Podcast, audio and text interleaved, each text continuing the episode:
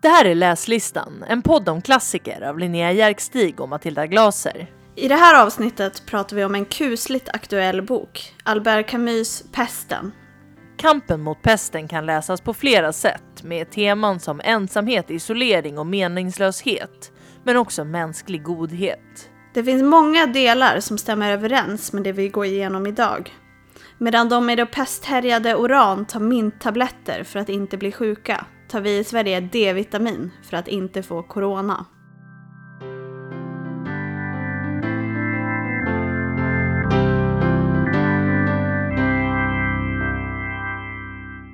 Hej Matilda! Hej Linnea! Hur är läget? Jo, det är bra. Eh, känns väldigt skönt att ha eh, satt P för 2020 och gått in i ett nytt år. Mm, jag kan inte annat än att hålla med. Känns lite hoppfullt. Det känns hoppfullt och glädjande. Och det gör det också inte lika jobbigt att vi ska prata om en bok som påminner väldigt mycket om det vi befinner oss i och har befunnit oss i.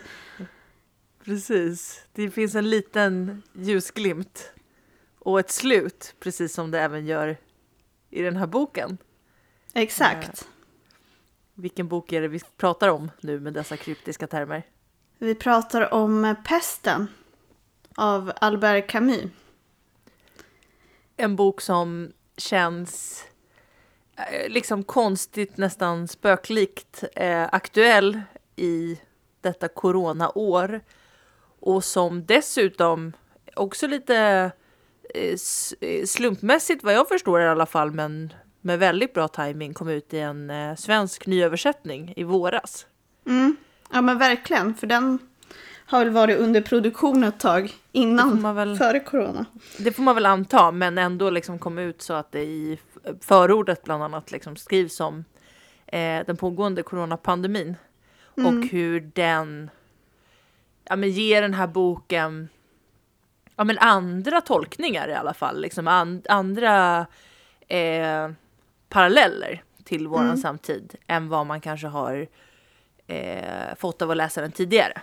Mm. Ja men man precis. Det känns också som en bok som det är väldigt många som har läst under det här året. Eller i alla fall som det har pratats väldigt mycket om. Ja, jag läste faktiskt eh, att den, eh, och i Sverige kanske det delvis har med nyutgåvan att göra, men att den liksom har varit utlånad på alla bibliotek och sålt slut på alla eh, boksajter på nätet och sådär. Mm. Ja Så men och har- i Frankrike så sålde den ju också svin mycket i början av coronakrisen. Jag tror att det är först, deras första karantän som alla satt hemma och läste den. Typ. Ja, vad roligt. Ändå fint, man kan samlas kring någonting annat men också inte annat. Typ. Ja, precis. Ja, men det finns väl någonting väldigt mänskligt i att, tänker jag också så här, vilja hitta en liksom gemenskap med Alltså jag tycker att början av coronapandemin handlade ju jättemycket om att hitta gemenskap. Mycket med liksom sina medmänniskor som upplevde samma sak. Men att det också finns någonting om att hitta en gemenskap med historien. Eller i det här fallet den fiktiva historien och liksom populärkulturen. Det finns någon sorts trygghet i att veta att man inte är ensam om att gå igenom någonting. Även om det i det här fallet är en eh, fiktiv epidemi som Camus beskriver. Mm. Ja men precis. Även om den är inspirerad av en riktig epidemi. Precis så. Eh, Och, Men... Vad sa du? ja, men och liksom ligger ju såklart på alla sätt nära verkligheten av en, en verklig epidemi. Liksom. Vi, kan väl, vi ska väl bara utan, eh, vi kan väl säga något kort kanske om vad boken handlar om. Som vi redan har börjat snudda vid. Boken utspelar sig i Oran i Algeriet. Många av Camus böcker utspelar sig i Algeriet. Han föddes där, eller bodde i alla fall där under en stor Han del av kommer sitt liv. därifrån. Eh, och den här liksom halvstora staden eh, som plötsligt då drabbas av ett pestutbrott. Och vi får följa i boken invånarna i den här staden och särskilt några personer som på olika sätt får centrala roller i att liksom hantera och bekämpa det här utbrottet. Eh, och ett tema som kommer väldigt nära våran verklighet, särskilt ur ett globalt perspektiv, är väl att den här staden väldigt snabbt sätts i karantän och Mm. alltså är liksom helt isolerad från omvärlden och är det under ja, ett år ungefär. Ja, men någonting också som händer, eller du sa ju att man eh, möter olika personer i den här romanen. Eh, och det är väl också så här, deras olika agerande och roll speglar ju också väldigt mycket den pandemin som vi går igenom. Ja, Att vissa så här, ja, men vill ta upp kampen och söka ett vaccin eller hjälpa till på olika sätt medan andra flyr och vissa förnekar att det här händer och andra försöker tjäna pengar på det här. Och det känns som att alla de här exemplen som tas upp i boken kan vi också se i verkligheten idag. Typ. Ja, nej absolut och även liksom hur eh, jag tycker det är intressant för de här huvudpersonerna de tar ju verkligen det här på allvar och liksom viker sina liv åt att eh, arbeta med, den här, mm, med det här utbrottet och med sina egna liv som insats liksom. Och samtidigt beskrivs det ju hur biograferna säljer fler biljetter än någonsin tidigare och Eh, alltså, det det är mycket man känner igen i den där känslan av, kanske inte just att folk går på bio i dessa tider, men liksom behovet av en verklighetsflykt och eh, ja, de olika mekanismer som du säger som vi tar till för att liksom hantera det som pågår. Mm. Ja men det känns verkligen som att han har, alltså Camus har lyckats fånga vår tid också på något sätt. Vilket också beskriver liksom hur allmänmänskligt det är att gå igenom typ någonting sånt här. Eh, eftersom man alltid kan relatera till det oavsett om det är, ja men den här skrevs på 40-talet, 47 eh, ja. 47, ja exakt, eller om det är 2020 eller om det är ännu tidigare. Han, baserar han inspireras ju av en pandemi, eller epidemi, det var ju inte en pandemi, en epidemi som var i Oran på 1800-talet också. Så han har väl kanske hittat historier där. Jag vet inte hur han har jobbat eller om det bara är liksom den händelsen som han har inspirerats av. Eller? Och, och det som är så intressant och som vi väl kommer komma tillbaka till är ju att det är ju en bok som är allmänmänsklig och liksom i, även i, oavsett om vi lever i pandemitider eller inte, att liksom att den har blivit så populär och känns så aktuell just nu, ja men det har ju såklart att göra med att det är mycket i handlingen som liksom så konkret liksom kopplar till vår tid. Men jag tänker mig i alla fall att när den kom ut 1947 och liksom spanska sjukan eller eh, pestepidemin i Oran ändå kändes förhållandevis avlägsna, då såg man det nog snarare, alltså den går ju lätt att koppla till andra världskriget tänker jag, på, i teman både när det gäller isolering och att skiljas från de man älskar som är ett jättestort tema i boken, men också när det handlar om tron på mänsklig godhet som känns som någonting som verkligen genomsyrar den här boken och som jag tror vi kommer prata mycket om. Så att helt beroende på vilken tid man läser den i så går det verkligen att dra olika kopplingar. Eh, det, men lustigt nog kan vi just nu göra en ganska liksom rak och kanske mindre symbolisk parallell till vår tid. Ja men precis. Men det är ju det som är styrkan med boken också, att det är en alleg- allegori. Eh, och att man kan tolka den på olika sätt. Och ja, men du sa ju exempelvis med andra världskriget eh, och då nämnde du ja, men liksom isoleringsaspekten och sådär. Men den kan ju också tolkas som en rädsla för något okänt. Eller som typ nazismen eller eh, ja, men för förintelsen eller ja men på samma spår då som du tog upp. Ja men precis. För det är ju någonting okänt för dem som lever där och då liksom i romanen. Precis, och det, och det är det som är så häftigt att jag kan inte, nu spekulerar jag ju bara fritt här, men jag kan inte tänka mig att Camus hade vår tid i åtanke när han skrev den här boken eller vår tids Det coronapandemi. hoppas jag utan, verkligen inte. Fy fan vad otäckt. utan han, han såg nog just det och ville nog säga just det. Han vill ju berätta om människan och mänskligheten. Eh, och eh, och det, det gör han ju då på ett sätt kan man ju säga som, som gör att den går att läsa i så många olika tider och dra de här kopplingarna till eh, Mm. så många, ja, så många händelser liksom. Mm. Men om man ska återgå till coronapandemin då, eh, Mm. som såklart präglade min läsupplevelse Ja. väldigt starkt. Eh, så tänker jag också så här, eh, hur dum man är egentligen. Alltså så här, en pandemi eller en epidemi, alltså det händer ju hela tiden. I alla fall epidemier. Eh, och sådana här pandemier har ju varit tidigare, men ändå blir man så chockad när man själv får uppleva det. Som att det aldrig har hänt förut liksom. Och det har ju inte hänt våran, de som lever idag liksom. Men man Nej, borde ju ändå kunna förutse att det ska hända igen. Typ. Det, det har inte hänt oss, men eh, eh, läk, det finns ju otroligt många professorer och läkare och andra som i flera decennier har sagt att precis det här ska hända. Så att det bör inte komma som en chock. Och faktum är ju att Camille själv också säger det i, eller låter sin huvudperson, läkaren Bernard Rieu, säga det i slutet av boken. Eh, konstaterar han ju just det att det människor aldrig riktigt fattar, det är ju att virus dör ju inte. De kan Nej. ligga vilande, de kommer och går. Eh, så att han säger ju precis det till läsaren. Eh, det, är här kommer komma tillbaka. Bra slut. Vi måste nästan läsa det senare. eh, Så våra Mm. Vi får göra lyssnare det. får ta del av det. Jag rös. Ska vi... Men vad bra att du sa att det är Rieu som är berättaren. För det är ju hans dagboksanteckningar som vi får följa genom Mm. hela romanen. Och det är ganska centralt eftersom han... Det innebär ju liksom att hela berättelsen är ju såklart formad ur en persons perspektiv. Även om han själv tar på sig rollen att... En liten journalistisk roll där och berätta objektivt. Precis, Och är väldigt noga ju- med att framhäva att det han berättar är objektivt. Liksom. Precis, han säger ju själv att jag försöker inte tillskriva människor några känslor som jag inte vet om de har upplevt. Jag försöker skildra objektivt.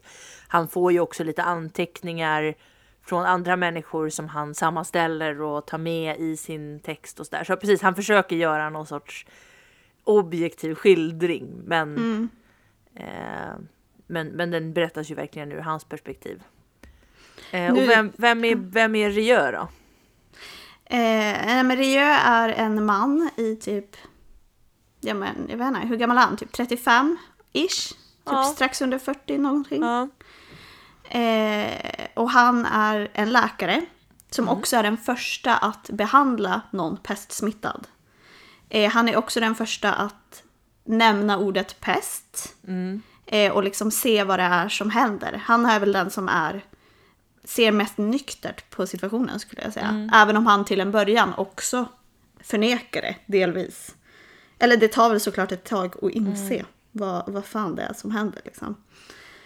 Eh, men han tar ju också på sig, förutom att han eh, vad heter det, ja, men tar hand om sjuka så tar han ju också på sig en roll genom att förklara för ja, men de som leder samhället typ vad de borde göra. Han säger att de borde stänga ner och att det här kommer få förödande konsekvenser och sådär. Ja, precis. Han tar ju rollen som, utöver att vara läkare, behandlande läkare, så tar han ju rollen som någon sorts statsepidemiolog egentligen. Är han Eh, Tegnell? Nej, Han är liksom romanens Tegnell och det är ju en helt informell roll som han tar. Och Mm. ganska mycket av det här samhället, vilket också är väldigt intressant att vi får ju liksom egentligen inte veta så jättemycket om hur liksom det officiella samhället, myndighetssamhället hanterar den här epidemin. För väldigt mycket av det vi får se sköts helt av frivilliga krafter. Eh, som myndigheterna förvisso då ger utrymme liksom, eller ger möjlighet att agera. Liksom. Men det är ju verkligen Bernard Rieu och ett antal andra personer antagligen som leder den här kampen mot epidemin och sjukdomen. Ja, man får ju främst ta reda på, eller ta del av samhällets reaktion, alltså de styrande i samhällets reaktion i början. Ja. Eh, och det är ju att de, jag menar att de ser det ju som, jag menar så här, att det är lite svartmålning och att man inte alls behöver stänga ner och är lite rädd för att det ska komma ut typ. Precis. Men sen så träder ju de tillbaka och tar en mer dold roll, eller vad man ska säga. Ja, verkligen. Och civilsamhället liksom tar vid. Och Mm. i princip hela den här liksom, de, det är ju väldigt eh, praktiska beskrivningar framförallt eh, Alltså liksom stundtals i alla fall liksom om hur de sätter upp liksom var personer placeras som är i karantän, eh, var de bygger upp tillfälliga sjukhus, hur de för statistik, hur de vilket kanske är en av de allra konkretaste grejerna som är så central i hela boken och som känns som att den är bara en total spegel med vår tid och med coronasituationen i Sverige. Som är att de varje dag redovisar dödstalet. Mm, Och jag att vet. det blir en sån här siffra som, alltså jag tänker att det eh, i en svensk kontext känner man, ju, känner man ju igen sig så mycket i det där liksom att det dagliga dödstalet och när det kommer redovisas blir som en fast punkt i tillvaron på något vis. Och ibland reagerar man mer och ibland reagerar man inte alls. Och ja, nej. Nej, för det beskrivs ju verkligen typ hur det ropas ut i högtalare varje dag. Det är liksom motsvarigheten. Folkhälsomyndighetens pressträff. Exakt, det är motsvarigheten till pressträffen. Och sen beskriver de ju också i den här boken, som jag inte vet om jag känner igen bilden av, men att det på, till slut börjar de där siffrorna tas emot med nästan någon sorts eh, likgiltighet. Inte minst bland de som jobbar med det här för att situationen är så hopplös. De kan inte ta in det längre. Liksom. De måste bara fokusera på sitt arbete, sina uppgifter och kan liksom inte ta in helhetsbilden längre. Och det är typ lite det som Rieu gör också. Han stänger ju av väldigt mycket sina egna känslor och sitt eget liv. För att typ kunna hantera allt som händer och allt mörker som omger honom. Både eh, i form av att han försöker liksom rädda andra, det mörkret, men också han har ju också en eh, personlig tragedi eftersom hans fru är sjuk och befinner sig på ett sanatorium. Så hon, hon befinner sig i och för sig inte i staden. Nej, Så det är ingen risk att hon smittas. Eftersom den verkar vara väldigt kopplad till staden. precis. Men hon är Men- ändå väldigt sjuk.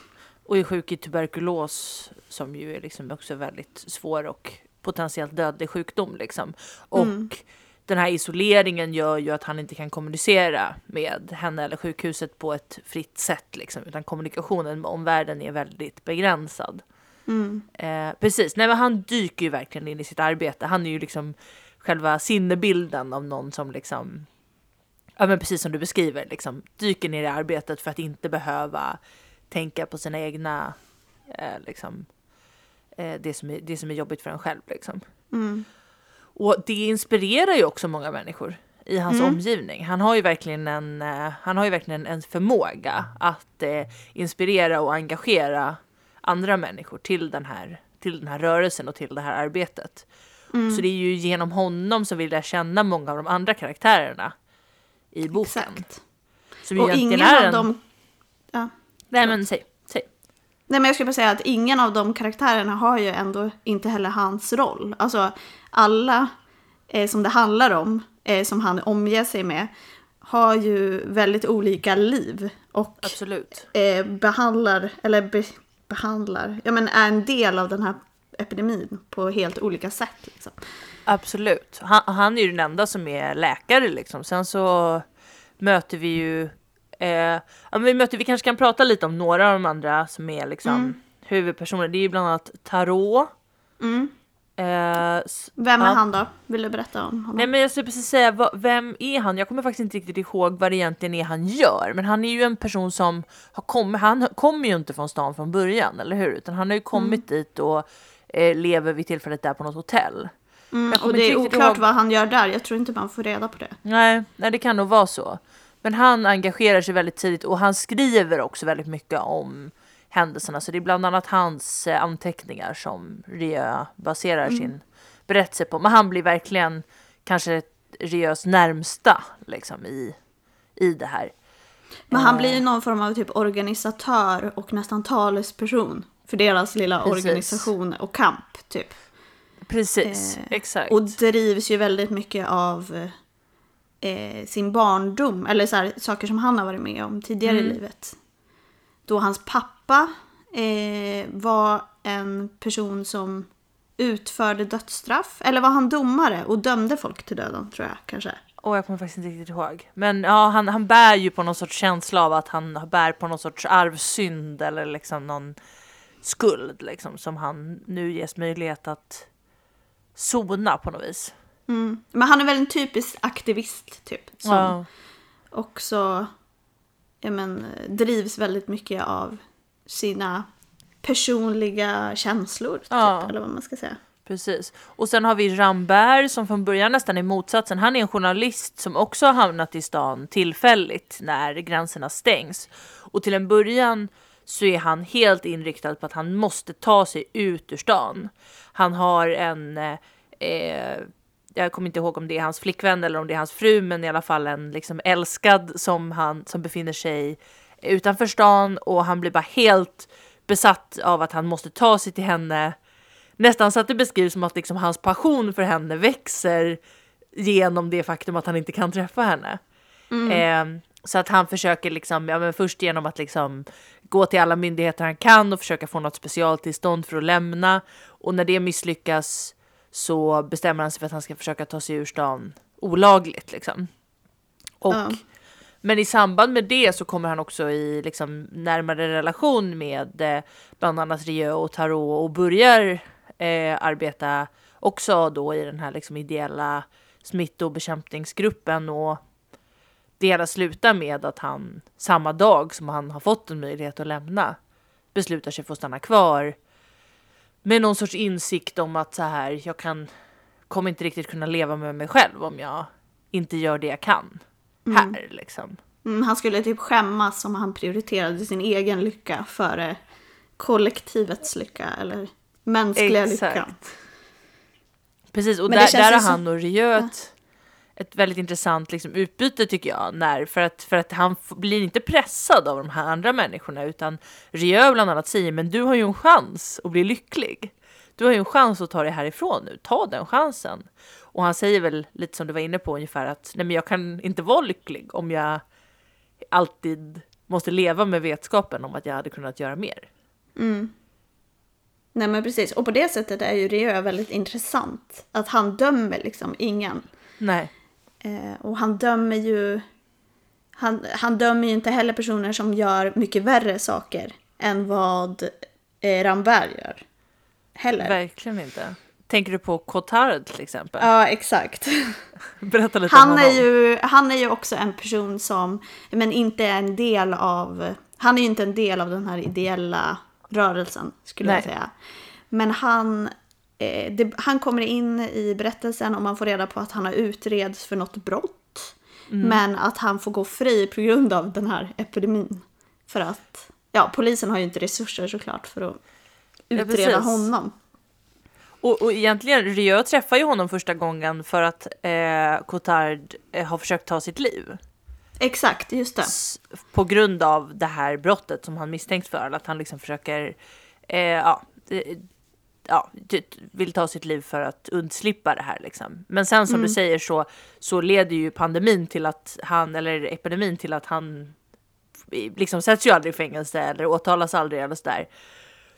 Och då, det är ju, gör ju honom till en av de absolut mest fascinerande karaktärerna. Att då hittar han plötsligt en ny glädje och mening i livet i epidemin. Men inte genom att som de andra vika sitt liv till att försöka rädda människor eller bekämpa smittan.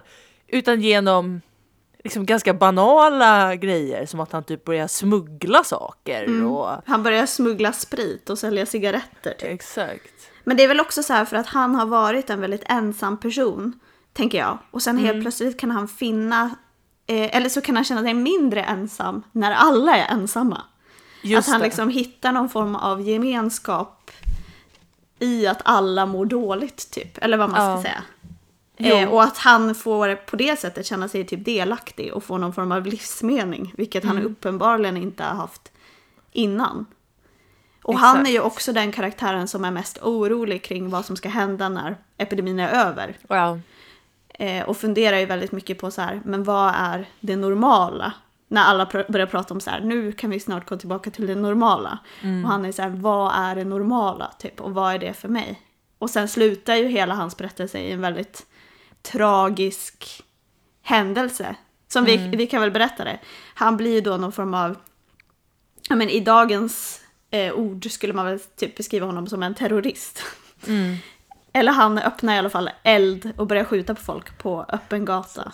Terrorist eller ensam galning beroende på Ja precis, definition. eller Nej, men precis. incel Alltså, typ. Exakt, nej men han, precis han liksom öppnar, öppnar eld utanför, eller han befinner sig typ i, sitt, i sin lägenhet och liksom barrikaderar sig där och börjar skjuta på människor på gatan. Och det här är liksom som du säger i samband med att eh, staden öppnas igen, liksom när Mm. det liv som alla andra har längtat ifrån och han själv har eh, på något sätt hittat en mening i, är på väg att ta slut. Men det är väldigt intressant att han väljer ändå... Alltså då skulle han ju kunna välja att ta sitt eget liv, typ. Eh, Ja, Som exakt. han misslyckades med i början. Men det är väldigt spännande, eller intressant att han väljer, eller att han blir galen liksom. Ja. Och väljer den vägen, för då blir han ju gripen. Och allt det som han fruktade i början Mm. blir ju verklighet. Precis. Ja. Ja, väldigt speciell karaktär. Och som du säger, jag har inte riktigt tänkt på det på det viset, men att det här att Rieu är en sån odömande person för att Cotard, som du säger, han spelar ju ingen roll i det här liksom bekämpa smittan-gänget. Men ändå så finns han hela tiden och får hela tiden finnas i de, de människornas närhet. Man kan ju tänka sig att de annars skulle förkasta en sån person och säga att liksom, inte vilja ha någonting med honom att göra för att han inte inte bara gör han ingenting, bidrar han inte med någonting positivt utan han bidrar ju till och med liksom negativt, i någon mening till utvecklingen. Men det gör de liksom inte utan de accepterar honom Nej. för den han Nej, är. och liksom. samma sak, alltså han värderas ju lika högt som prästen, typ, i deras Ja, ögon. Exakt, Vilket är väldigt spännande. Eh, verkligen. för prästen, eh, vad heter han? Panelo, typ. Ja precis, pa- Panelo ja. Panelo, ja. Han, eh, ja men, eh, blir ju precis som en präst. Man tänker att en präst ska vara att han finner liksom något högre syfte med den här epidemin, typ. Och någon mening och rättvisa, typ, i olyckan. Jag vet inte hur man ska beskriva honom. Men han känns väldigt prästig. Eh, och inte minst för att han själv insjuknar och vägrar att ta emot hjälp. Han är vaccinkritiker. Eh, och dör ju då i den här sjukdomen. Men han spelar liksom lika stor roll som Cotard. Precis. Eh, För att en, ett genomgående tema i boken också, som ju eh, är ju just det här med, och som han väl lite så här får förkroppsliga på något vis, är ju att, alltså jag, jag tolkar det i alla fall som att Camus ser någon sorts inneboende motsättning i att man skulle tro på Gud och samtidigt ägna sig åt till exempel läkarvetenskap och försöka bota en smitta för att hans case är väl att men om det finns en gud som liksom är allsmäktig och bestämmer hur saker och ting ska vara ja då skulle vi väl inte liksom försöka bekämpa det som den guden eh, säger eller gö- gör liksom. mm, Så att, så att han ser det liksom som att och lite den idén får väl Panelo då eh, representera fast kanske från motsatshåll eh, mot vad Camus själv förespråkar. Att han blir då en, en präst som ställs inför det dilemmat och då på något sätt måste välja bort läke, läkekonsten till förmån för religionen då liksom. mm. Ja men precis, och det är ju verkligen ett tema om man ska tänka så här, livets meningslöshet typ. Eh, det är ju verkligen ett tema som återkommer bland alla karaktärer och i hela romanen som helhet också. Att han symboliserar ju en del av det, men pesten symboliserar en annan del av det. Och den här känslan av att det spelar liksom ingen roll vad vi gör för att vi alla kommer dö. Mm. Och det är ju lite Rio, eller Rio inne på också, att så här, jag kan inte göra allting heller. Alltså så här, den tar Nej. vissa och vi är körda typ. Nej precis, och den är ju, och det tycker jag att Camus också beskriver på ett så, på ett väldigt bra sätt från början också det här med att här, en sjukdom av den här typen är så obarmhärtig liksom och följer inga liksom logiska regler och går inte att liksom förstå sig på i någon, uppfatt i någon mening. Liksom. Mm. Eh, och att det, ja, å ena sidan så handlar, beskriver den här boken hjältar liksom och människor som eh, viker sina liv åt att göra den lilla skillnad som de kan. Men samtidigt så blundar den inte för det faktum att den skillnaden de människorna kan göra är väldigt, väldigt liten. Mm. Ja men precis. Det- Jag tror att han skriver någon gång typ så här. Det man hade att välja på var mellan död och död typ. Ja, Och det beskriver väldigt mycket det. verkligen. Men också typ så här det... Eh, de, eller i romanen så... Jag vet inte om de skriver det uttryckligen men jag funderade väldigt mycket om på så här frihet också. Typ så här... Är de här karaktärerna som lever här fria? Typ. Mm. Kan de påverka? Kan de göra vad de vill? Och man får ju hela tiden en känsla av att de inte är det. Men att de inte heller var det innan heller. Nej, Utan att man liksom är fast i någon form av jag vet inte, förutbestämd eh, situation. Exempelvis typ Cotard, han kan ju symbolisera det liksom att mm. han kan inte ändra sig typ. nej, Eh, utan han är liksom, han försökte ta livet av sig, han begick ett brott och sen är det liksom meningen med hans liv att fortsätta på den banan typ. Alltså så här att den är väldigt mörk på det sättet. Ja. Att det inte är så många som har möjlighet att påverka typ. nej. Nej, precis. För, och det är ju inte heller några av de här karaktärerna eller liksom, nu, nu slutar ju boken precis när, när epidemin tar slut, så vi vet ju ganska lite om vad som händer med de som överlever liksom. Men det är ju inte en man får ju inte en känsla av att deras liv allt, för alltid förändras så att säga, eller att de liksom får någon sorts så här ögonöppnare som eh, tar deras liv på en helt ny riktning, utan Nej. Att det, Det bara fortsätter mycket som vanligt typ. ja, Men på det sättet, alltså den är ju väldigt mörk och inte minst slutet. De sista meningarna är ju väldigt mörka också. Men samtidigt som är, den är väldigt mörk så är den också väldigt ljus. mm, Eh, för att om den är mörk på ja, men typ teman frihet, eh, livets meningslöshet så är den ju ljus på det sättet att det som hyllas i boken eh, och framhålls som något positivt är ju solidaritet och typ gemenskap. gud ja. Och den har ju en extremt eh, positiv syn på mänskligheten. Exakt, Alltså, verkligen. och, och det, är ju, det är ju nästan lite så här on the nose av Camus stundtals. Att han liksom uttryckligen, och sen om det är hans livsåskådning eller om det är Riös, men jag tolkar det nog som att det är bådas liksom. Eh, så, så skriver han ju uttryckligen vid flera olika tillfällen att människan i grund och botten är mer god än ond. ja, Det är ju liksom hans, det han vill framföra liksom. Att jag skrev ner ett citat eh, så, apropå det som var, eh, som är så här. Det onda som finns i världen har nästan alltid sin grund i okunskap och den goda viljan kan vålla lika stor skada som ondskan om den inte är upplyst. Människorna är snarare goda än onda och det är egentligen inte det som frågan gäller. Eh, men de är mer eller mindre okunniga och det kallar man då dygd eller last. Och den last som mest driver en till förtvivlan är den okunnighet som tror sig veta allt och då tar sig rätten att döda.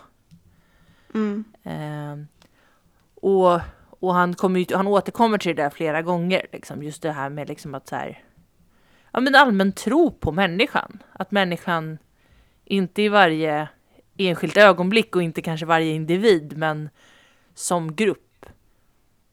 Så, Och det, och det för, alltså så här, om man tittar på den här lilla smittobekämpargruppen. Mm. De symboliserar ju det, eller visar ju det väldigt tydligt också verkligen. Att liksom, det de kan göra tillsammans är ju typ underverk.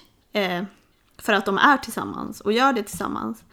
Eh, men man ser också under hela bokens gång hur eh, ja, men personerna som bor i det här samhället, hur deras syn också förändrats. Att först så var det här någonting som drabbade dem individuellt. Typ. Mm. Men att ju mer tiden går desto mer inser de att de drabbas tillsammans. Ja. Ja, jag vet inte vad jag skulle komma med det. Men alltså att ja, men typ ko- kollektivet hyllas hela tiden. Och typ att Rio också är så här, ja men jag skulle inte klara det här själv. Typ. Nej, Jag precis. behöver andra. Och hjälp. Precis, och nu har vi varit inne på några av karaktärerna liksom, och det är ju bara ett fåtal till som nämns vid namn egentligen. Alltså det är en liten grupp liksom, karaktärer som vi får följa. Men sen känns det som att stadens befolkning är ju som ytterligare en karaktär. Alltså to- helheten liksom. Eh, det liksom... Ja, det var lite det jag försökte komma in på. Och liksom hur den massan förändras genom Mm. Exakt. bokens gång. Typ. och förändras och som en organism liksom. Ja men exakt. Det, det var jättebra beskrivet av dig att det, var, det är en karaktär. Liksom folket. Jag tycker en scen som visar det väldigt starkt är, för det är ju riktigt, riktigt vidriga scener eller vidriga beskrivningar i eh, den här eh, i, någonstans i mitten ungefär som handlar om liksom hur de ska hantera det stora antalet döda. Alltså de går från att ha liksom individuella fast väldigt, väldigt effektiva begravningar till att börja begrava i, grava i massgravar. Eh, till att till slut eh, börja kremera alla liken. Och för att göra det så måste de ta, ta alla kropparna till ett krematorium som ligger en bit utanför stan. Och då så tar de en spårvagn som de använder för det. Eh, så att på nätterna kör det liksom en spårvagn som bara är full med döda kroppar. Eh, vilket i sig är otroligt liksom, obehaglig och tragisk scen, men att eh, det eh, efter ett tag så förstår invånarna i staden att det är det som sker Mm. när den här spårvagnen. Så då börjar de eh, smita ut och eh, slänga blommor på den här spårvagnen när den åker. Eh, och så beskriver de liksom så här, det här tåget fyllt av blommor och döda kroppar som åker genom stan. Och det är, sagt, det är så tragiskt fast det är också så otroligt vackert. Mm. Men det är också så här, för då försöker de liksom dölja det först. Ja, Eh, men sen blir ju ändå reaktionen att alla förstår att det är så det måste vara. Liksom. Och att man bara försöker göra det till något positivt eller något fint, typ värdigt för de som har dött. Precis.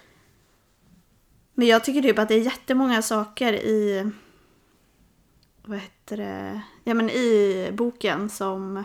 Jag vet inte, jag skrev typ upp en liten lista på typ så här saker som de, de här människorna som inte nämns vid namn gör. Mm. Eh, men som påminner väldigt mycket om vad man har sett folk och hört folk göra under coronatider. Åh gud vad spännande. Eh, och det är typ så här, bara, ja men vissa blir livrädda. Andra förnekar.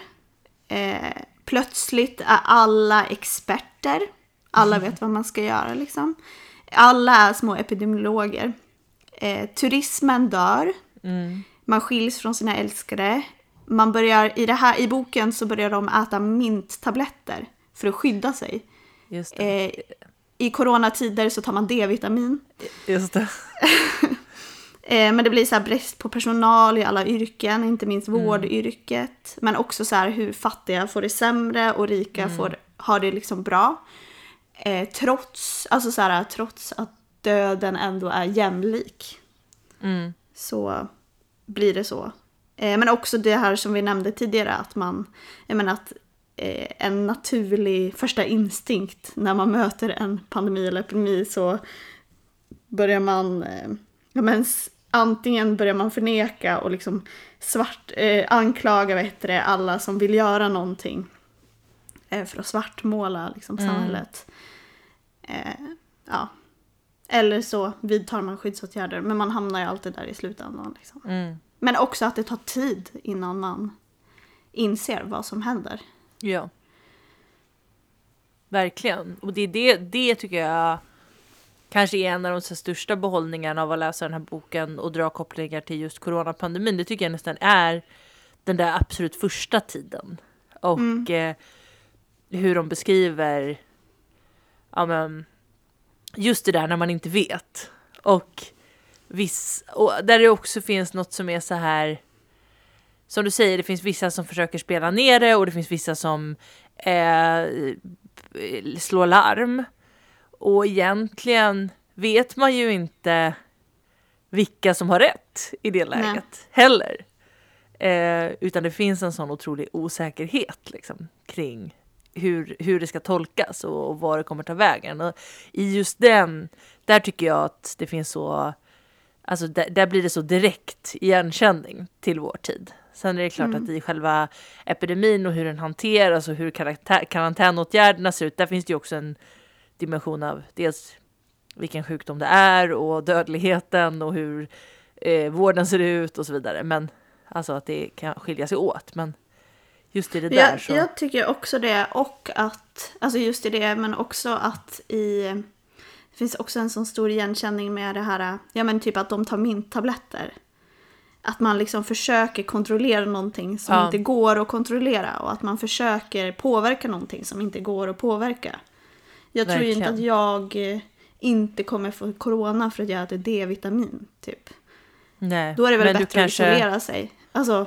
Fast du kanske känner så här, fast det kan ju inte direkt skada. Nej men exakt. Det kanske hjälper. Ja.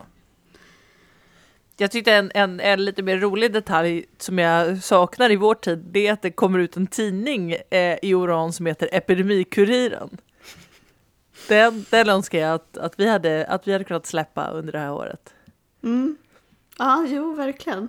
Det var ett gulligt namn, om inte annat. Det går så fort också. Ja, Epidemikuriren. Pandemikuriren. Kommer här. Pandemiposten. Pandemiposten. Bra, bra.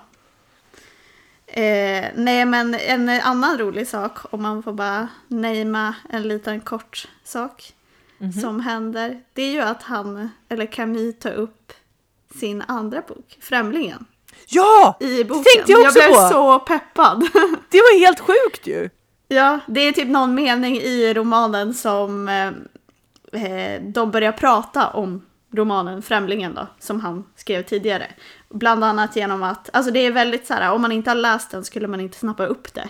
Men det är typ alltså, i förbifarten som de nämner att en ung handelsman har dödat en arab på en strand. På en strand ja. Och alltså, ja. Det, jag tyckte det var helt otroligt för att, för att precis, de pratar ju om, alltså det knyter ju ihop, jag som är lite så här eh, sci-fi eh, nörd, mm. eh, tänker ju så här, det här betyder att de här två romanerna existerar i samma universum. Eller förstår du vad jag tycker det är så ja, häftigt ja, när det är så. Att så här, mm. de här två romanerna finns i samma, för jag tänker att när man skriver en roman så kan man ju bestämma om den ska existera i en isolerad eh, fiktiv verklighet. Eller om den ska finnas i en fiktiv verklighet där även andra delar av den fiktiva verkligheten existerar på något vis. Och han mm. har ju uppenbarligen valt att knyta ihop de här två. Jag tyckte det var supercoolt. Och det gör ju också typ att det känns mindre fiktivt. Typ. Ja, exakt. Alltså så här, att det känns mer verkligt, att det här har verkligen hänt. Typ. Nej, men och, och sen så här, blir man ju såklart glad också eftersom båda vi har läst Främlingen och tycker uh. om den jättemycket. Uh. Men också så här, att man får känna sig lite bildad som läsare. att man så här, tog den referensen. Ja, exakt.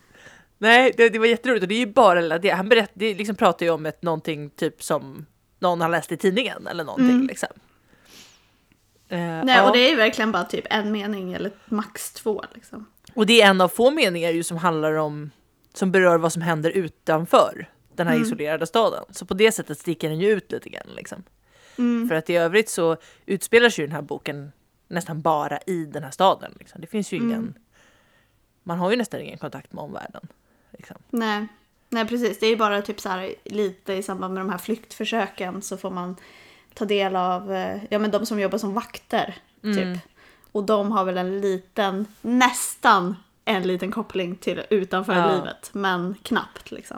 Precis, och när Ria försöker få tag på sin fru som är på det här sanatoriet då. Mm. Det existerar ju även, även Jean Bergs eh, tjej. Ja, fi- finns, De existerar ju utanför. Men man vet ju ingenting om hur deras liv ser ut utanför. Nej, liksom. nej, men det är ju väldigt, alltså så här, jag får känslan av att alla utanför lever typ som vanligt. Vilket känns jättesjukt. Mm. Ja precis och där, det blir ju liksom en sån enormt stor skillnad på eh, en epidemi eh, i 2020 och liksom i vilken annan tid som helst före internet. Liksom. Att, Mm. Alltså å ena sidan så hade ju kanske inte en epidemi kunnat hållas till eh, en stad på det här viset och isoleras i en stad eh, på, på det här sättet utan den hade ju spridits mycket tidigare antagligen och blivit en pandemi i en modern Mm. tid. Men jag tänker Eh. att det finns ju epidemier idag också som inte sprider sig. Eller typ Det är sant, det beror ju på hur smittsamma de är. Ja, men Ja. precis. Eller i. lite hur dödliga de är. Jag tänker så här, Precis. Det är väl att om det är en väldigt dödlig epidemi Mm. så sprids den inte för att folk hinner dö typ. Nej exakt, det är väl varför till exempel sars och de här som ju är påminner om covid men inte har liksom fått några fall i Sverige till exempel har väl att göra med att framförallt att de är så dödliga så att folk blir så sjuka Mm. liksom så att de inte.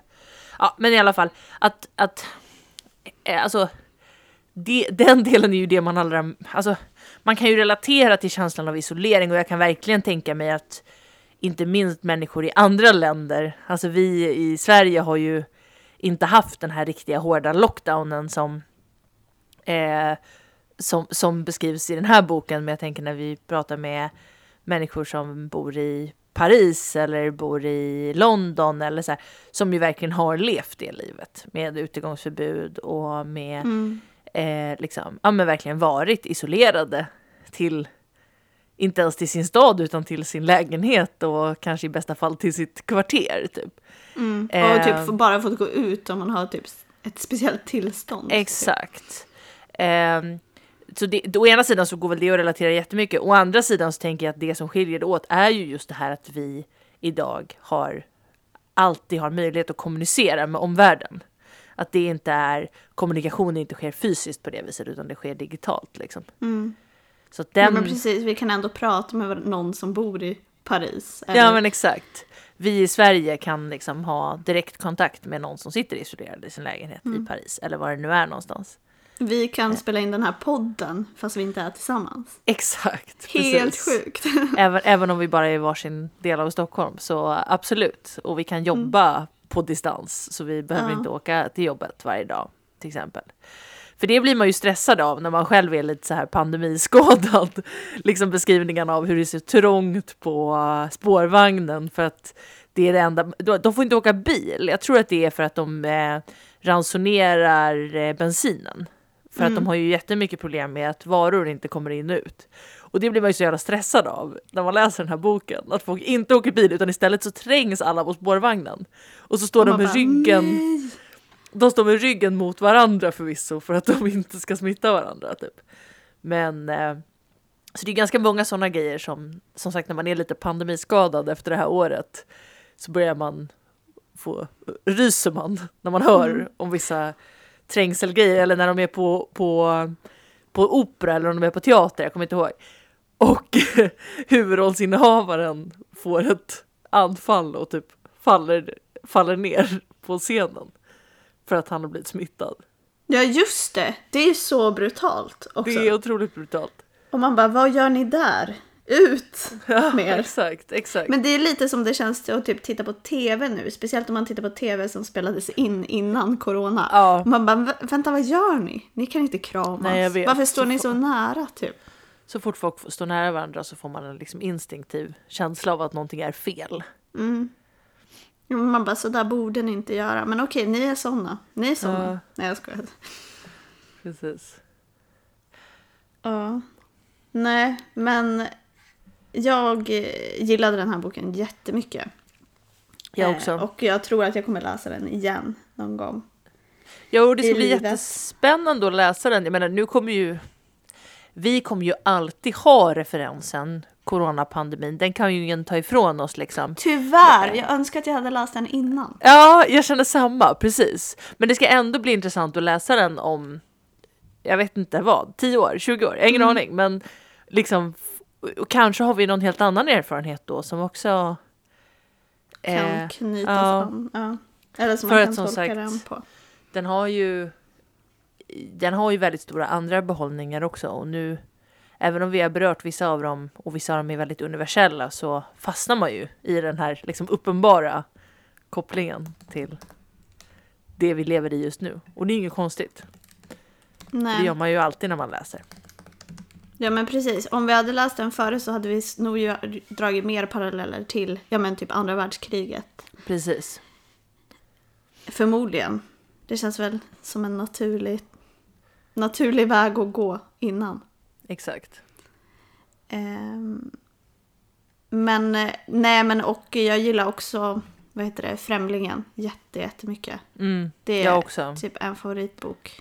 Jag blev jättesugen på att läsa om den nu på grund av den där lilla referensen i Pesten faktiskt. Det var ganska länge sedan jag läste den. Men jag, jag minns så starkt, alltså när, när jag bara läste det där om liksom han mördat en, en arab på stranden så kom jag in i exakt den känslan som man är i, Mm. i den scenen. Alltså det, det är liksom en scen som finns kvar. Trots att det var många år sedan jag läste den boken. Så att jag men blev verkligen sugen på att läsa om den. Men och man borde inte minst läsa om den bara för den kända första meningen Just. i boken. Men jag såg att eh, en av hans böcker som heter Fallet ska komma i ny översättning i år.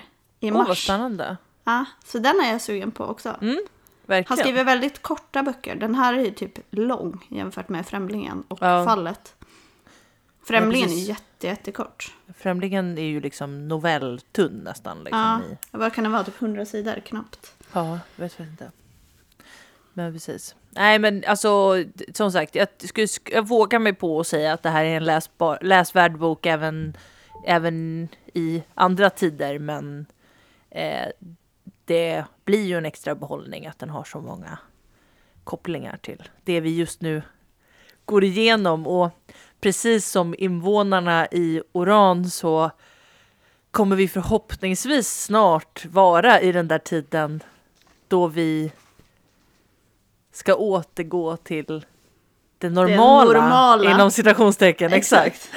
Eh, och vad det nu är. Och vad har vi förändrats och hur har vi förändrats och vad ska vi göra med de insikterna? Jag tänker också, för det känns också som ett tema som man har pratat ganska mycket om under det här året och som jag tänker att den här boken handlar så mycket om. Det är väl det här så här. Vad gjorde du? När vi tittar tillbaka på Mm. den här perioden om ett år, om fem år, om 20 år. Kommer du kunna känna dig stolt? Eller kommer du skämmas över Mm. vad, du, vad du bidrog med? Och det behöver ju inte vara så konkret som att liksom bota sjuka eller jobba inom vården för att det, det gör vi ju inte allihopa liksom. Men eh, det kan ju också handla om i vår tid tänker jag. Följde du restriktionerna? Mm. Eh, och så vidare. Alltså det, Mm. det, det, det är ju i alla fall de här liksom, huvudpersonerna i den här boken. De, de tar ju en tydlig, de har ju en tydlig sån känsla av att liksom jag måste kunna leva med mig själv när det här är över och då vet jag vad jag behöver göra. Mm. Och det tänker jag är en Ja. fråga som så många brottas med i vår tid. Ja men verkligen. Och som man borde fundera på mer än vad man kanske gör. Ehm, nej men också som, det är jätteintressant tycker jag, men också liksom, jag funderar varje dag på om jag kommer vara annorlunda när det här är över. Och jag pratade med en kompis om det för, ja men precis innan vi spelade in, att så här, ja men på nyår i år så var det bara jag och min kille. Och att det var så skönt. Eh, men om det hade varit ett annat år så hade jag förmodligen känt mig så ensam. Och att det hade känts jobbigt. Eh, men, och då funderar jag bara på så här, men eftersom jag tyckte att det var så skönt. Varför skulle jag inte kunna ha en nyår bara vi två i framtiden då? Nej. Alltså så här, kommer jag kunna ha det eller kommer jag känna då att jag är helt ensam och utanför typ? Precis. Kommer jag kunna vara mer tillfreds med mig själv eller typ Ja. få personer i min närhet? Jag vet inte. Det ska bli Nej, spännande att se. vi vet eller ju kommer man det. drabbas av FOMO igen direkt? Exakt. Nej, Det har ju varit ett år fritt från FOMO kan man ju säga. Mm. Och det var det så skönt. Alltså jag har alltid annars jättemycket FOMO. Nu kan jag bara ligga i sängen och läsa pesten och må bra typ. Även om jag inte alltid mår bra av det heller. Nej. Kan vi inte avsluta med att läsa slutet? Jo, gör det. Får jag läsa? Eh, när Rieu hörde glädjeropen som steg upp från staden mindes han att denna glädje alltid var hotad. För han visste något som denna folkmassa inte visste och som man kan läsa om i böcker. Att pestens bacill aldrig dör och aldrig försvinner. Att den kan slumra i årtionden i möbler och tyg. Att den, tål, att den tålmodigt väntar i rum, källare, koffertar, näsdukar och pappershögar. Och att den dagen kanske kommer då pesten till människornas olycka och belärande åter väcker sina råttor och skickar ut dem att dö i en lycklig stad. Jaha Linnea, har vi pratat färdigt om pest då? Eh, vill du berätta om någonting annat som du har läst? Eh, ja, det vill jag. Men jag vet inte om vi har pratat färdigt om pest. Men eh, jag har läst eh, boken som du hade läst förra avsnittet. Mm. Bärarna av Jessica Schiefauer. Ja, det finns ju onekligen några eh, kopplingar. Ja, men jag tänkte så här. Om jag ändå ska eh, hantera en pandemi eller en dystopi eller pest eller smitta. Varför inte göra det då i två böcker? Damma Helt av rätt. det direkt liksom. Så du kunde inleda 2021 pestfritt. Ja men jag tänker så här, nu eh, så spelar vi in i början av 2021. Det här avsnittet kommer gå i början av 2021. Och då är det så här, ja men lyssna på det här avsnittet. Och eh, sen är det över. Sen kan vi börja gå mot andra tider. Typ. Lyssna på avsnittet, gå och ta vaccin och sen så blickar vi framåt. Exakt. Exakt, och det är väl också så här att man just nu befinner sig i en positiv, alltså man börjar se ljuset i tunneln typ. Mm, mm, Mer och mer, även om vi fortfarande befinner oss i ett mörker. mm. Eh, nej men eh, den här boken då, du vet ju vad den handlar om men jag ska berätta för lyssnarna också. Den handlar om en värld där en smitta härjar. Eh, och den här smittan den gör att eh, spridare och bärare, som de kallas i romanen, eh, inte kan leva tillsammans. Och då är det egentligen män och kvinnor. Mm. Män är spridare och kvinnor är bärare. Och den handlar om en kvinna som heter Nicky, som är bokens berättare, som lever i ett förhållande med Simone. Eh, och de har ett väldigt okomplicerat liv eh, som flyter på och är väldigt härligt. Tills Simone, alltså Nickys partner då, bestämmer sig för att hon vill bära. Hon vill bli gravid helt enkelt. Eh, och det som händer då är att ja, men, hennes, eh, Simones eh, förflutna börjar nystas upp mer och mer eh, i samband med det här beslutet. Och Nicky som bestämmer sig för att hjälpa till eh, eftersom Simone kan inte bära, hon kan inte bli gravid så bestämmer Nicky sig för att hjälpa henne, vilket hon kan göra under vissa förutsättningar. Eh, men ju mer hon får reda på om Simone eh, och om sig själv så vänds egentligen hela hennes världsbild och tillvaro helt upp och ner. Hon, börjar, hon får reda på saker som gör att hon börjar ifrågasätta samhället som hon lever i. Eh, så hon gör ju egentligen tvärt emot det Rieu gör. Hon accepterar inte. hon eh, agerar, nej jag skojar. Men, eller ja det gör ju för sig inte han heller. Men hon försöker bryta sig loss helt enkelt. Från det här Gud, vilken, samhället. vilken bra beskrivning av handlingen i den här boken. Jag funderar på nu hur fan beskrev jag den här handlingen i förra avsnittet? Det var i alla fall inte så här bra. Så tack för Ja. det. Ja, vad Väl gullig summerat. Nej. Ja, nej, men jag funderade på den ganska länge. Ehm, men ja. Ja, jag vet inte riktigt hur jag ska prata om den här boken. Jag tyckte att den var väldigt intressant. Eh, som jag tycker att alla Jessica Schiefauers böcker är. Jag har läst alla. Eh, det här är hennes första vuxenroman. Eh, vilket var kul. Men jag skulle vilja börja prata om, lite om så smittan. Och nu kan vi ju faktiskt prata om den här boken för vi båda har läst den. Mm. Och jag tänker att den är precis som pesten i pesten.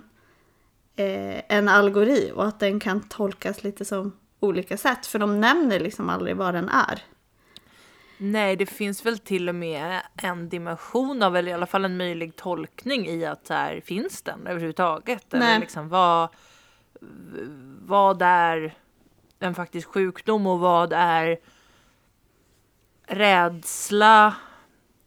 Och vad är liksom den destruktiva kraft som män har stått för historiskt? Liksom. För den skulle kunna vara liksom både rädsla, den skulle kunna symbolisera typ mäns våld mot kvinnor. Exakt. Eller typ makt, eh, olika precis. maktstrukturer typ. Mäns våld mot naturen handlar den ju jättemycket om också. Alltså, Mäns våld överhuvudtaget Ja, typ, eller exakt. överlag. ja, Eh, men det är också typ en roman som eh, handlar väldigt mycket om biologi.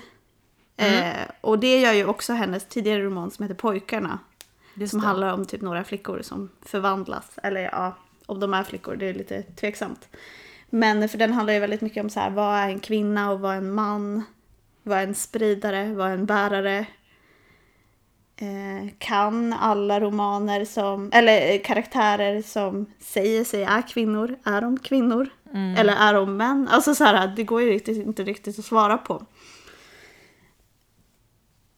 Eh, jag vet inte, så vad jag vill säga egentligen att det var en roman som fick mig att fundera väldigt mycket på väldigt mycket olika saker. Eh, och känna väldigt mycket. Och den går ju verkligen i, i dystopiernas, de tidigare dystopiska författarnas fotspår. Typ. Den påminner mycket om Kallocain och inte minst om typ Kännarinnans berättelse. Ja. Nej, verkligen. Det känns som att den är. Den hedrar ju eh, verkligen tidigare dystopier samtidigt som den också verkligen gör något helt eget. Liksom. Mm. Ja men precis. Och den är väldigt bra. Jag tycker att den står sig väldigt bra i förhållande till andra nya dystopier. Liksom.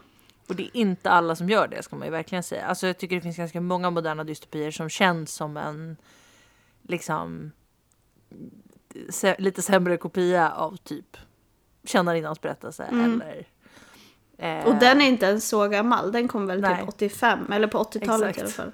Exakt. Nej men och särskilt sådana som behandlar just det här med manligt och kvinnligt och k- hotet mot liksom kvinnors autonomi och typ självbestämmande och så. Mm. Nej men verkligen. Men det som är intressant är väl typ att den... Alltså till skillnad från typ Handmaid's Tale att eh, det inte är kvinnorna som är offer. Nej. Eh, och att de ändå försöker bryta sig loss. Liksom. Mm. Det är de som styr, alltså styr över samhället och har skapat det här otäcka samhället som de lever i.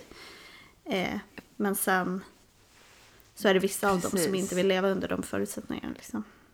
Exakt och det här samhället som den har ju verkligen den här som, som alla riktigt bra dystopier har den här lite spooky känslan av så här vad är egentligen ett bra samhälle liksom? Och ja men att den att, upp, den, den, att läsa den här romanen är ju liksom att uppleva att liksom en, den första bilden du får av vad som är verkligt liksom krackelerar och man vet inte riktigt vad som finns där under och till slut vet man ju inte alls liksom.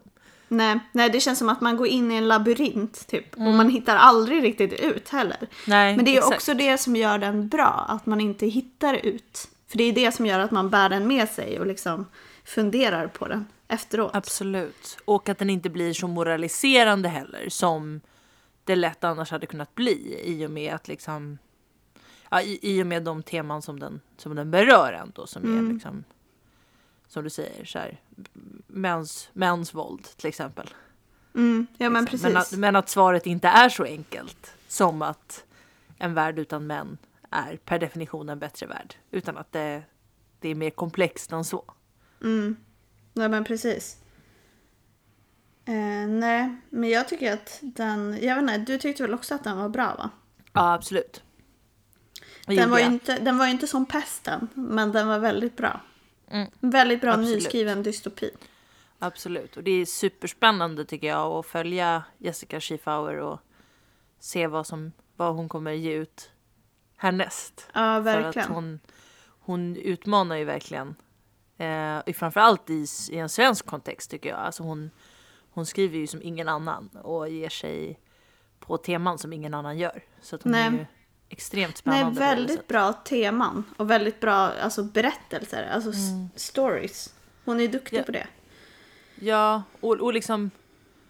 Och, ja, det känns som att många svenska romaner handlar om samma saker. Men hon, Mm. hon, hon gör det aldrig lätt för sig. Liksom. Nej, men precis. Och är duktig på att hitta alltså, flera dimensioner. Och det gör hon även i sin ungdomslitteratur också. Ja, som jag verkligen. vill slå ett slag för. Verkligen. Inte minst när hundarna kommer, som är en otrolig Ja. bok. Den är så jäkla bra, ja. Mm. Som också be- behandlar ett, ett verkligt fall. Liksom. Mm. Precis. John Ron. Exakt. Ja, nej men så den har jag läst. Ehm, vad har du läst? Jag tänkte precis säga att Jessica Schiffer har väl typ blivit August-nominerad för alla sina böcker. Fast kanske inte för den här, men den kom nu ut typ för sent för att hon skulle bli det nästan. Ja, den Eh. kanske kan bli det nästa år. Exakt. Eh, men, men alla hennes tidigare har hon ju typ blivit August-nominerad för. Och jag ska, ska läsa, här är den svaga övergången. Jag ska prata om en bok som, som blev August-nominerad. Jaha, okej, nu fattar jag varför du... Ehm, nej, det var mest ett mått på att Jessica Schiffer är en väldigt bra författare.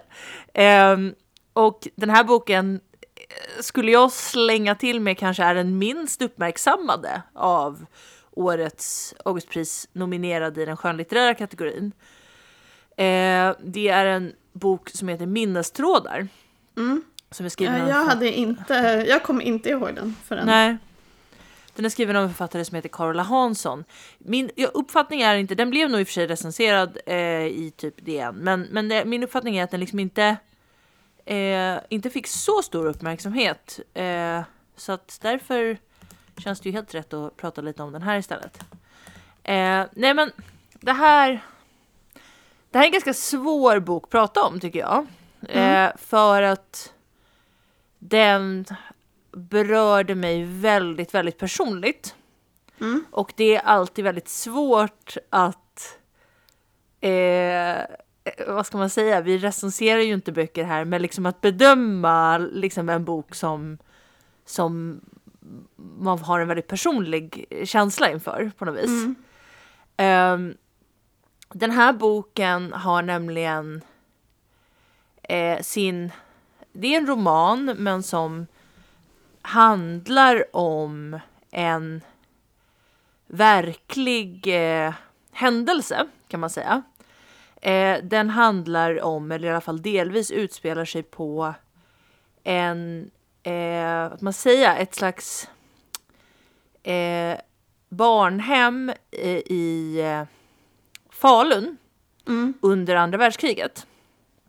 Och barnhem är egentligen fel ord för att det verkade som och drevs som en kibbutz. Eh, vet du vad en kibbutz är för någonting? Ja, jag vet vad en kibbutz är. Bara för att min kompis har bott på en kibbutz i Israel.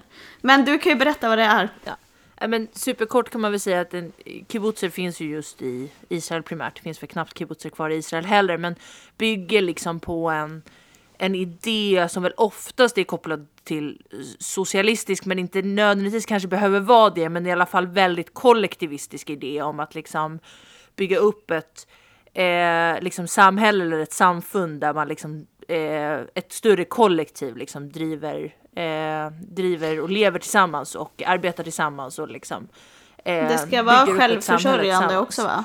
Precis, ja men exakt. Sen så, så och när, när liksom staten Israel grundades så var det ju väldigt många som eh, fanns det ju väldigt många kibbutzer där. Idag finns det ju jättefå kvar och de som finns idag kanske inte är 100% självförsörjande utan mer är som någon sorts ja, mellanting då mellan kanske en eh, traditionell kibbutz och en vanlig stad typ.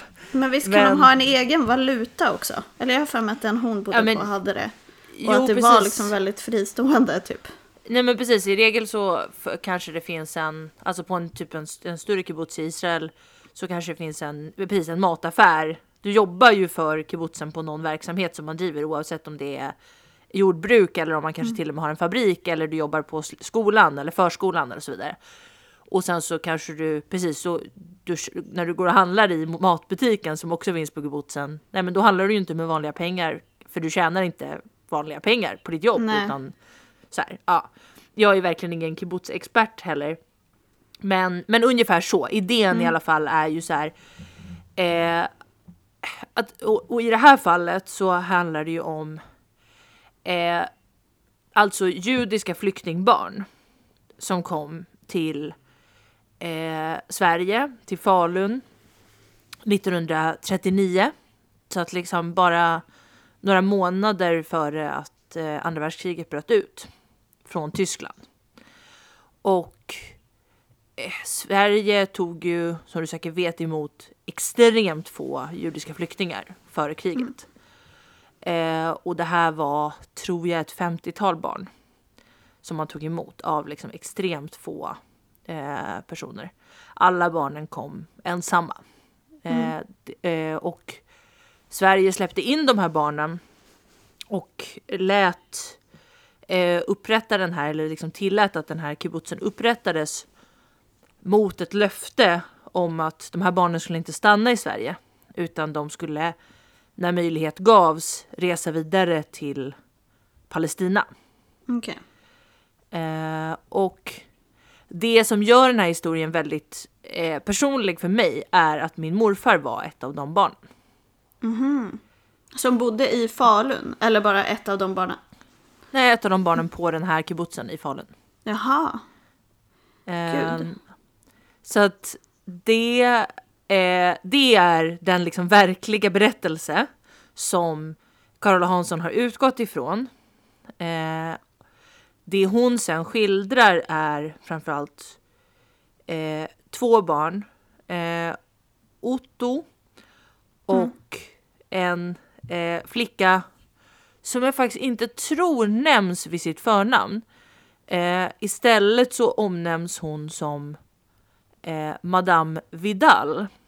För att det här, det här är svårt att, att förklara på ett, på ett bra- bra sätt, men det som Carola Hansson gör är att hennes bok tar avstamp i att ett författarjag, som kanske är Carola Hansson själv eller liksom en fiktiv författare, reser till Manchester där hon träffar en kvinna vid namn Madame Vidal som sen för henne berättar om hur hon hamnar på den här kibbutzen.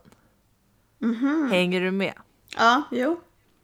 Så det är, ett- och man kan säga att en genomgående sak med den här boken är att Carola Hansson gör det inte lätt för sig själv någonstans. Det är liksom ett väldigt komplicerat berättargrepp med de här liksom återberättandet av en berättelse. Mm. Eh, och men framför allt då, så det, så det skildrar, det är alltså Madame Vidal själv som berättar eh, om sitt liv under några år. Från liksom nazismens eh, framväxt och effekter i Königsberg där hon växer upp. Nuvarande Kaliningrad för övrigt. Men dåvarande då i Tyskland. Eh, och för liksom hur hon och hennes fosterfamilj, där även sönerna Otto och Max finns, eh, upplever liksom den ökade nazismen, ökade begränsningarna på deras liv som judar i den här staden. Hur de här tre barnen ges möjlighet att resa till eh, Sverige, till Falun, eh, genom en eh, socialistisk organisation som de kommer i kontakt med.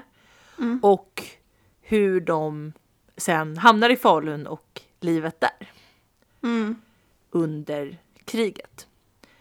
Eh, och det, det jag kan säga med liksom en på ur ett mer liksom, vad ska man säga, ett objektivt perspektiv, det kommer det inte heller vara, för det är det inte, är att Eh, Carola Hansson har ett fantastiskt språk och som jag tycker är väldigt...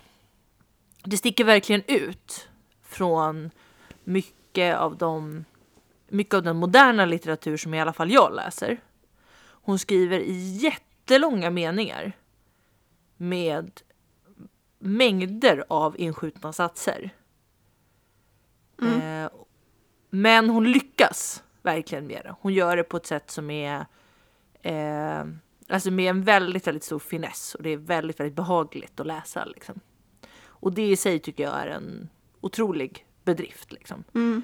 Och, och känns som att det för tankarna mer till många av de klassiker som vi har läst i den här podden historiskt än till eh, Mm, Det känns inte så vanligt eh, att skriva på det modern sättet litteratur. idag. Liksom. Nej, exakt, exakt. Ehm, så det kan jag säga med någon sorts så här, mm, eh, det, det, det vet jag att, Mm. att det är så. Och det, och det i sig är någonting som jag verkligen kan eh, rekommendera eh, den här boken för. Sen så är själva handlingen, alltså det börjar ju som en typ av skildring som man känner igen kan man väl Mm. säga i liksom en, en skildring av livet under nazismen och eh, eh, liksom en det är en, jag tycker jag, jättestark beskrivning av den här familjen som Madame Vidal lever i, hur liksom ja, men både barnen i familjen men kanske inte minst föräldrarna liksom paniken över hur samhället blir liksom mer och mer stängt och deras möjligheter att lämna Nazityskland liksom begränsas mer och mer. Eh, och, och, och den känner man ju igen, liksom, Mm. den typen av berättelse. Mm. Ja, det Eh, känns verkligen som att man placeras i ett fack direkt. Eller alltså så här, att man kan. Exakt. relatera till den berättelsen på många sätt. Att man har läst den tidigare. Eller alltså liknande Precis. Mm. Däremot, eh, väl på plats i Falun så på ett sätt så handlar det ju fortfarande väldigt mycket om det och det handlar ju inte minst om Ja men du kan ju tänka dig själv liksom de här personerna, det här är ju liksom unga, alltså barn och ungdomar, alltså Mm. som är liksom 12, 13, 14, 15, 16, 17 kanske. När de kommer till, till Falun, de kommer ensamma i en grupp som bara består av ungdomar Mm. eh, till ett främmande land där de inte talar språket eh, och ska helt plötsligt bygga upp ett liv där tillsammans. Så konstigt. Och samtidigt som de vet att deras föräldrar och deras anhöriga är instängda i ett land där krig bryter ut, där de får det värre och värre. Breven kommer mer och mer sällan. Eh, alltså, den, den skildringen och, och liksom det, eh, det. Det känns också som någonting väldigt så här, allmänmänskligt berörande. Liksom. Mm. Det boken sen handlar ganska mycket om och som jag funderar lite grann på hur intressant andra tycker att det är. Det är om de interna stridigheter som uppstår på den här kibbutzen. Mm. Alltså väldigt mycket av boken handlar om, och det här är vad jag har förstått baserat på, en, på verkligheten. Mhm. Eh, Alltså Att på kom- vissa personer som ändå har levt, eller på, ja, alltså. Ja men precis, liksom på, Ja. på alltså eh, att för det kom liksom två grupper dit och den ena var lite mer socialistisk och den andra var lite mer typ nationalistisk. Eh, alltså sionistisk typ, eller båda är väl sionistiska. Men, eh, och, och att det uppstår liksom konflikter mellan de två grupperna. Som gör att liksom ja, men som sätter väldigt mycket på spel för de här ungdomarna och att det kanske den konflikten förstärks väl också av den extrema press som de här ungdomarna lever under. Mm. Eftersom att jag är intresserad av exakt varenda liten detalj i den här verkliga händelserna så att säga. Mm. Så tycker jag ju att det där är intressant. Men jag är inte helt säker på. Jag skulle precis allt fråga, tycker du att det var spännande att följa det? Jo eller? men jag, tycker jag tycker det. Men som sagt. Men som sagt jag har ju personliga skäl att tycka det eller vad man ska säga. Så att det vore jätteintressant för att de enda personerna jag vet eh, som har läst den här boken är olika medlemmar i min familj. Ja. Så det vore jätteintressant att höra någon annan som inte eh, har liksom den kopplingen till den här historien, läsaren och lite mer bedömaren som, som roman då, Mm. om man ska säga så, och inte som någon sorts En historiskt anhörig, dokument i Mm. en fiktiv kontext, eller vad man ska kalla det. Men Eh. så om någon har läst den och eh, skriv till oss på Instagram Ja, då, eh, gör och det, berätta. snälla. Det vore jättespännande. Men, men och jag vill verkligen understryka det att jag tycker att, att det var ett otroligt språk och det är otroligt uppfriskande med en författare som skriver på det, på det viset. Men kände du att hon eh, tog tillvara på och kunde förmedla eh, din morfars historia även om han inte själv var med liksom? Eller förstår du? Kändes den liksom Ja, trovärdig? Jag, ur- förs- jag förstår frågan och alltså jag tror, så här, jag tror inte att hon skulle säga att hon gör att hon försöker göra det faktiskt Nej. för det första. Men, men absolut, alltså det är ju många, jag tror verkligen hon har gjort en liksom väldigt gedigen research när hon beskriver liksom det här också ganska praktiska kring livet där och hur de försörjde sig och liksom.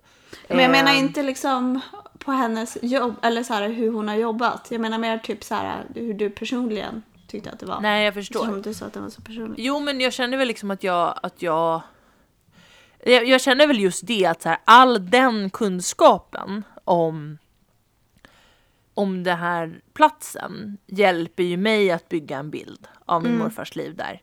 Sen upplever jag det inte som att jag nödvändigtvis kan känna att de upplevelserna som de karaktärerna hon beskriver har även var hans liksom. Nej. Men Eller att du kan ändå få en... Det kan, det kan ge dig ett verktyg att förstå hans liv. Exakt, exakt. Vad sjukt Precis. ändå. Mm. Känns som att det händer väl aldrig när man läser en roman. Nej. Att man har en personlig koppling på det sättet. Nej, precis. Nej, men så det, och det här är en grej som, det har, jag vet att det har funnits en SVT-dokumentär om den här, eh, den här kibbutzen som man säkert fortfarande kan hitta, men den sändes för flera år sedan. Och jag tror också att det finns någon form av fackbok om det, men annars är det inte, inte en särskilt eh, rapporterad del av, av Sveriges historia och Sveriges koppling till andra världskriget skulle jag inte säga. Så att det är, är väldigt, liksom, det är ett väldigt kul, det är väldigt kul att en författare tar sig an det tycker jag och skildrar det. Nej, jag hade aldrig hört talas om att det startade någon form av kibbutz typ. Precis. Spännande. Nej, man blev ju Ja. sugen på att läsa den nu. Men, Ja, men- inte så sugen på det här med interna stridigheterna eftersom du sa att man, du kunde tveka på hur spännande det var för en utomstående. Men ja, Ja, men jag vet inte, eller så kommer du se andra dimensioner i det när du läser det. Att jag fastnade i det liksom praktiska och verkliga. Medan du kanske, du kanske kan se, känner jag nu när jag liksom pratar om den, liksom, men vad symboliserar de där stridigheterna egentligen? Alltså, jag, jag tror också att det kan vara så att liksom, det är svårt att bedöma en bok som man är för nära. Liksom. Jag tror att Ja, jag men är mindre man- benägen att se liksom, andra dimensioner liksom, av det där. man fastnade i en läsning typ. Ja, exakt. Äh, men så jag, jag, är liksom, jag, jag, jag kan absolut rekommendera den här boken på alla sätt och vis. Men jag är väldigt nyfiken på hur andra uppfattar den, om man säger så. Nej men hör av er om ni har läst den. Det vore jättekul att få veta vad ni tyckte. Verkligen. Ja, ska vi runda Ja. av där eller? Det tycker jag. Eh, men vi kommer att ha lite uppehåll nu. Mm, Oklar, oklar tid. precis. Men vår förhoppning är att komma tillbaka. Verkligen. Och fortsätt följa oss på eh, vilken poddspelare ni nu använder för att, för att lyssna. Vi ska inte lägga upp massa andra konstiga saker där. Och eh, följ oss på Instagram på Mm. podden laslistan så kommer vi såklart dela där också när vi kommer med något nytt. Och, När vi är tillbaka. och förhoppningsvis fortsätta eh, ja, men dela inlägg om böcker vi läser där också och eh, kommunicera mer där. Vi kan dock inte heller lova hur mycket vi kommer kommunicera där. Men Nej, vi kommer Men vi- vi uppdatera se. ibland. Liksom. Det, vi får se. Mm. Vi får men se. avfölj inte för att nej. ha koll typ när vi kommer med nya avsnitt. För då vill vi, vi vill ju inte tappa er. Eh, Verkligen inte. Mm. Tack snälla för att ni lyssnar. Ja, tack så jättemycket och ha det så bra. Hej då. Hej då.